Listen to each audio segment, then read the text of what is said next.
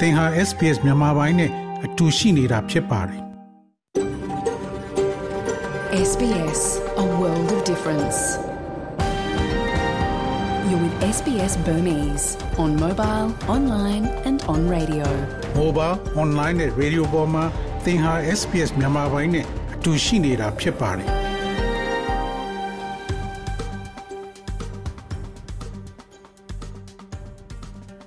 တော်ရရှင်များချစ်တဲ့မင်္ဂလာဖျားဖျားနဲ့ပြည့်စုံတော်မူကြပါစားခင်ဗျာဒီနေ့ဒီဇင်ဘာလ31ရက်စနေနေ့မြန်မာပိုင်းစီစဉ်များကို SBS Radio မှစတင်သံလွှင့်နေပါရခင်ဗျာဒီနေ့တင်ဆက်ပေးမယ့်ဆောင်းပါးတွေကတော့ January 1ရက်မှာနှစ်သက်ကူမချင်းပါတဲ့ယဉ်ကျေးမှုများဆိုတဲ့ဆောင်းပါးမြန်မာပြည်တွင်းစစ်ကြောင့်မိသားစုတွေကွဲပြားဆိုတဲ့ဆောင်းပါး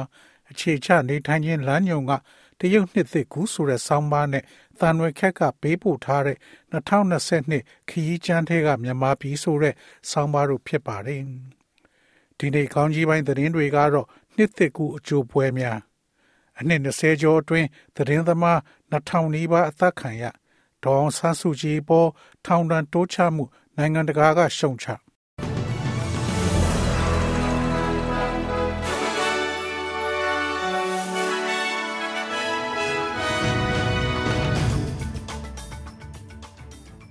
ခုချိန်ကစပြီးသတင်းများကိုကျွန်တော်ကြော်ထုတ်အောင်ကစတင်ဖတ်ကြားပါတော့မယ်။နှစ်သက်ကူအကျိုးပွဲများ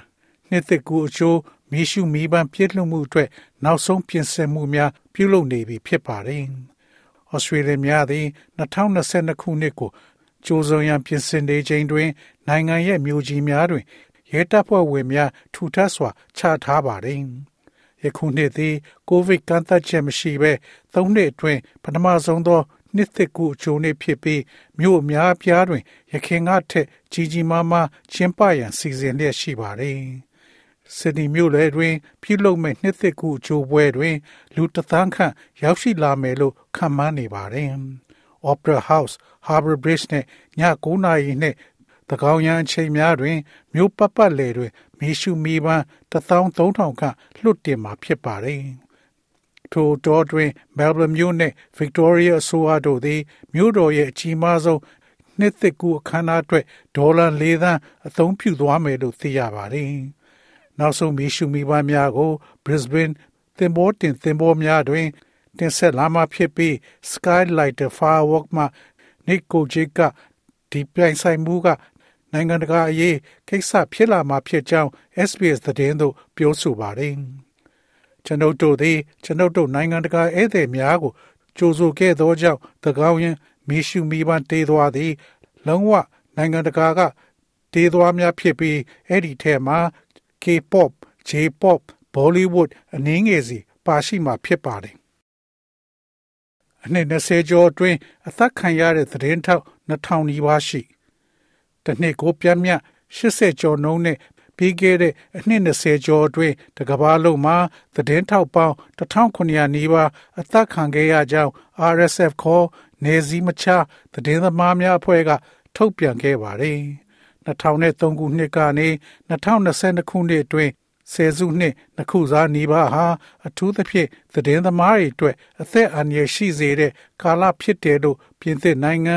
Paris အခြေစိုက် RSF ကဖော်ပြထားပါတယ်။ အဲ့ဒီလိုသိဆုံးခဲ့ကြရှာတဲ့ပုံကိုယ်တွေရဲ့နောက်ွယ်မှာသူတို့ရဲ့သတင်းထောက်ဘဝကိုမြန်နှိုးမှုနဲ့အတူသတင်းအချက်လက်တွေရရှိဖို့သူတို့ရဲ့ဘဝတွေရင်ဆိုင်ရမှုတွေအရေးအသွေးတွေနဲ့သူတို့ရဲ့သန္တိတ်တန်းချမှုတွေနဲ့အတူပေးဆက်ကြမှုတွေရှိတယ်လို့ RSF အထွေထွေတွင်ရေးမှု Christopher Delory ကပြောဆိုပါတယ်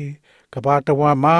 နှစ်20အတွင်းအသက်ခံရတဲ့သတင်းထောက်စုစုပေါင်းရဲ့ သုံးပုံတပုံကျော်ဖြစ်တဲ့988ယောက်ဟာအီရတ်နဲ့ဆီးရီးယားနှစ်နိုင်ငံမှာဖြစ်ကြပြီးအဲ့ဒီနှစ်နိုင်ငံစလုံးဟာသတင်းသမားတွေအတွက်အနည်းအများဆုံးဖြစ်ကြတယ်လို့လည်း RSF ကပြောဆိုပါတယ်။သတင်းထောက်အသက်ခံရမှုများတဲ့တခြားနိုင်ငံတွေကတော့မက္ကဆီကိုမှာ125ယောက်ဖိလစ်ပိမှာ109ယောက် ပါကစ္စတန်မှာ93ယောက်အာဖဂန်နစ္စတန်မှာ81ယောက်နဲ့ဆိုမာလီမှာ88ယောက်ဖြစ်တယ်လို့လည်း RSF ကဖော်ပြထားပါတယ်။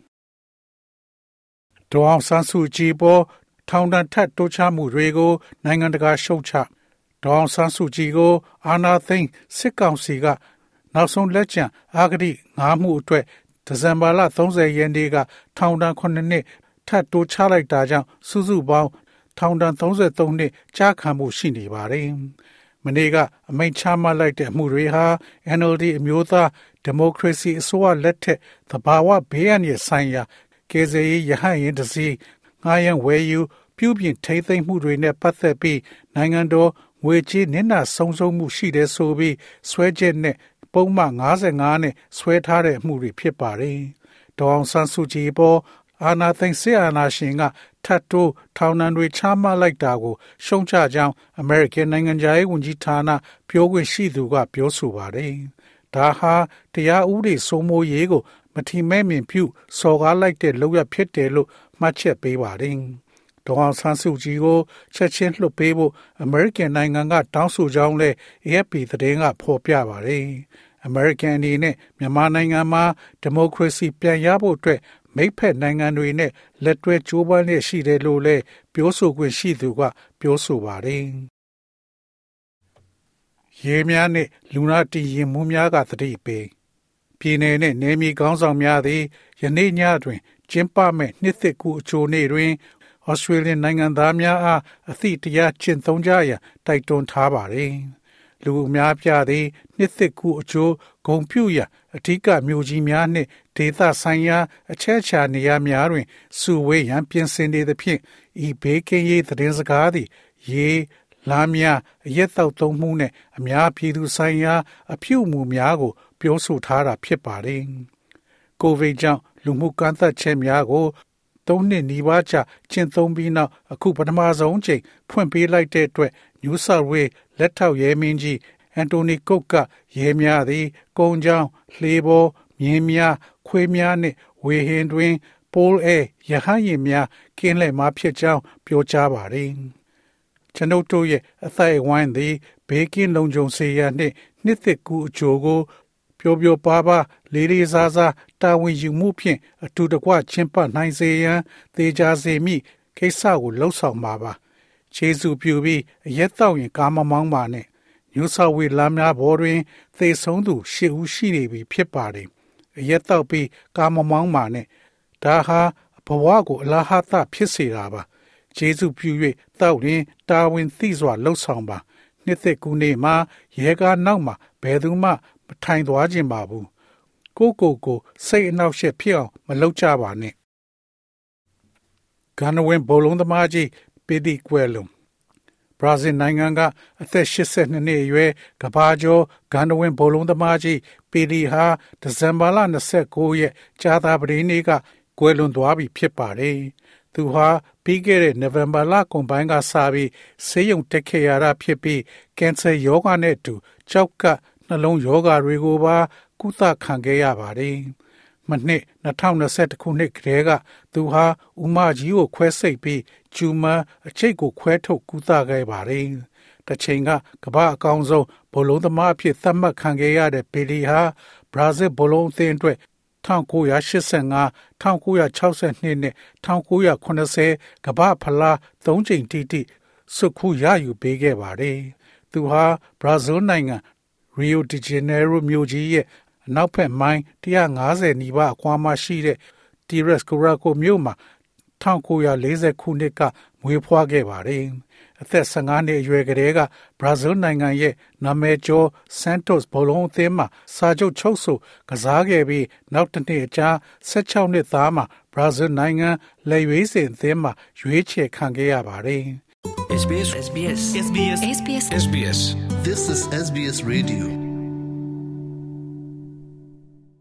ငွေလဲနှုန်းမှာတော့ Australian dollar ကိုမြန်မာကျပ်ငွေ1430ကျပ်ရရှိပြီး American dollar ကိုမြန်မာကျပ်ငွေ2099ကျပ်ရရှိပါတယ်။ Australian dollar ဟာ American 68စက်နဲ့ညီမျှပါတယ်။မနေ့ဖြန် Australia တိုက်မှာရှိတဲ့မြို့ကြီးများရဲ့မိုးလေဝသခန့်မှန်းချက်ကတော့ဆင်နီမြို့မှာအပူချိန်29ဒီဂရီစင်တီဂရိတ်ရှိမှဖြစ်ပြီးမိုးရွာသွန်းနိုင်ပါတယ်။ Melbourne မြို့မှာအပူချိန်29ဒီဂရီစင်တီဂရိတ်ရှိမှဖြစ်ပြီးပူအိုက်မှဖြစ်ပါတယ်။ Brisbane မြို့မှာအပူချိန်28ဒီဂရီစင်တီဂရိတ်ရှိမှဖြစ်ပြီးမိုးတစ်ဖြောက်နှစ်ဖြောက်ရွာသွန်းနိုင်ပါတယ်။ Perth မြို့မှာအပူချိန်29ဒီဂရီစင်တီဂရိတ်ရှိမှဖြစ်ပြီးမိုးတိမ်သားများရှိမှဖြစ်ပါတယ်။ Adelaide မြို့မှာအပူချိန်32ဒီဂရီစင်တီဂရိတ်ရှိမှဖြစ်ပြီးနေသားမှာဖြစ်ပါတယ်။ Hobart မြို့မှာအပူချိန်26ဒီဂရီစင်တီဂရိတ်ရှိမှဖြစ်ပြီးမိုးတိမ်သားများအနည်းငယ်ရှိမှဖြစ်ပါတယ်။ Canberra မြို့မှာအပူချိန်29ဒီဂရီစင်တီဂရိတ်ရှိမှဖြစ်ပြီးမိုးရွာသွန်းနိုင်ပါတယ်။ဒါဝင်မြို့မှာအပူချိန်29ဒီဂရီစင်တီဂရိတ်ရှိမှဖြစ်ပြီးမိုးသီးထန်စွာရွာသွန်းနိုင်ပါတယ်။ဤတွင်သတင်းများကိုကြီးညာလို့ပြီးပါပြီခင်ဗျာ။။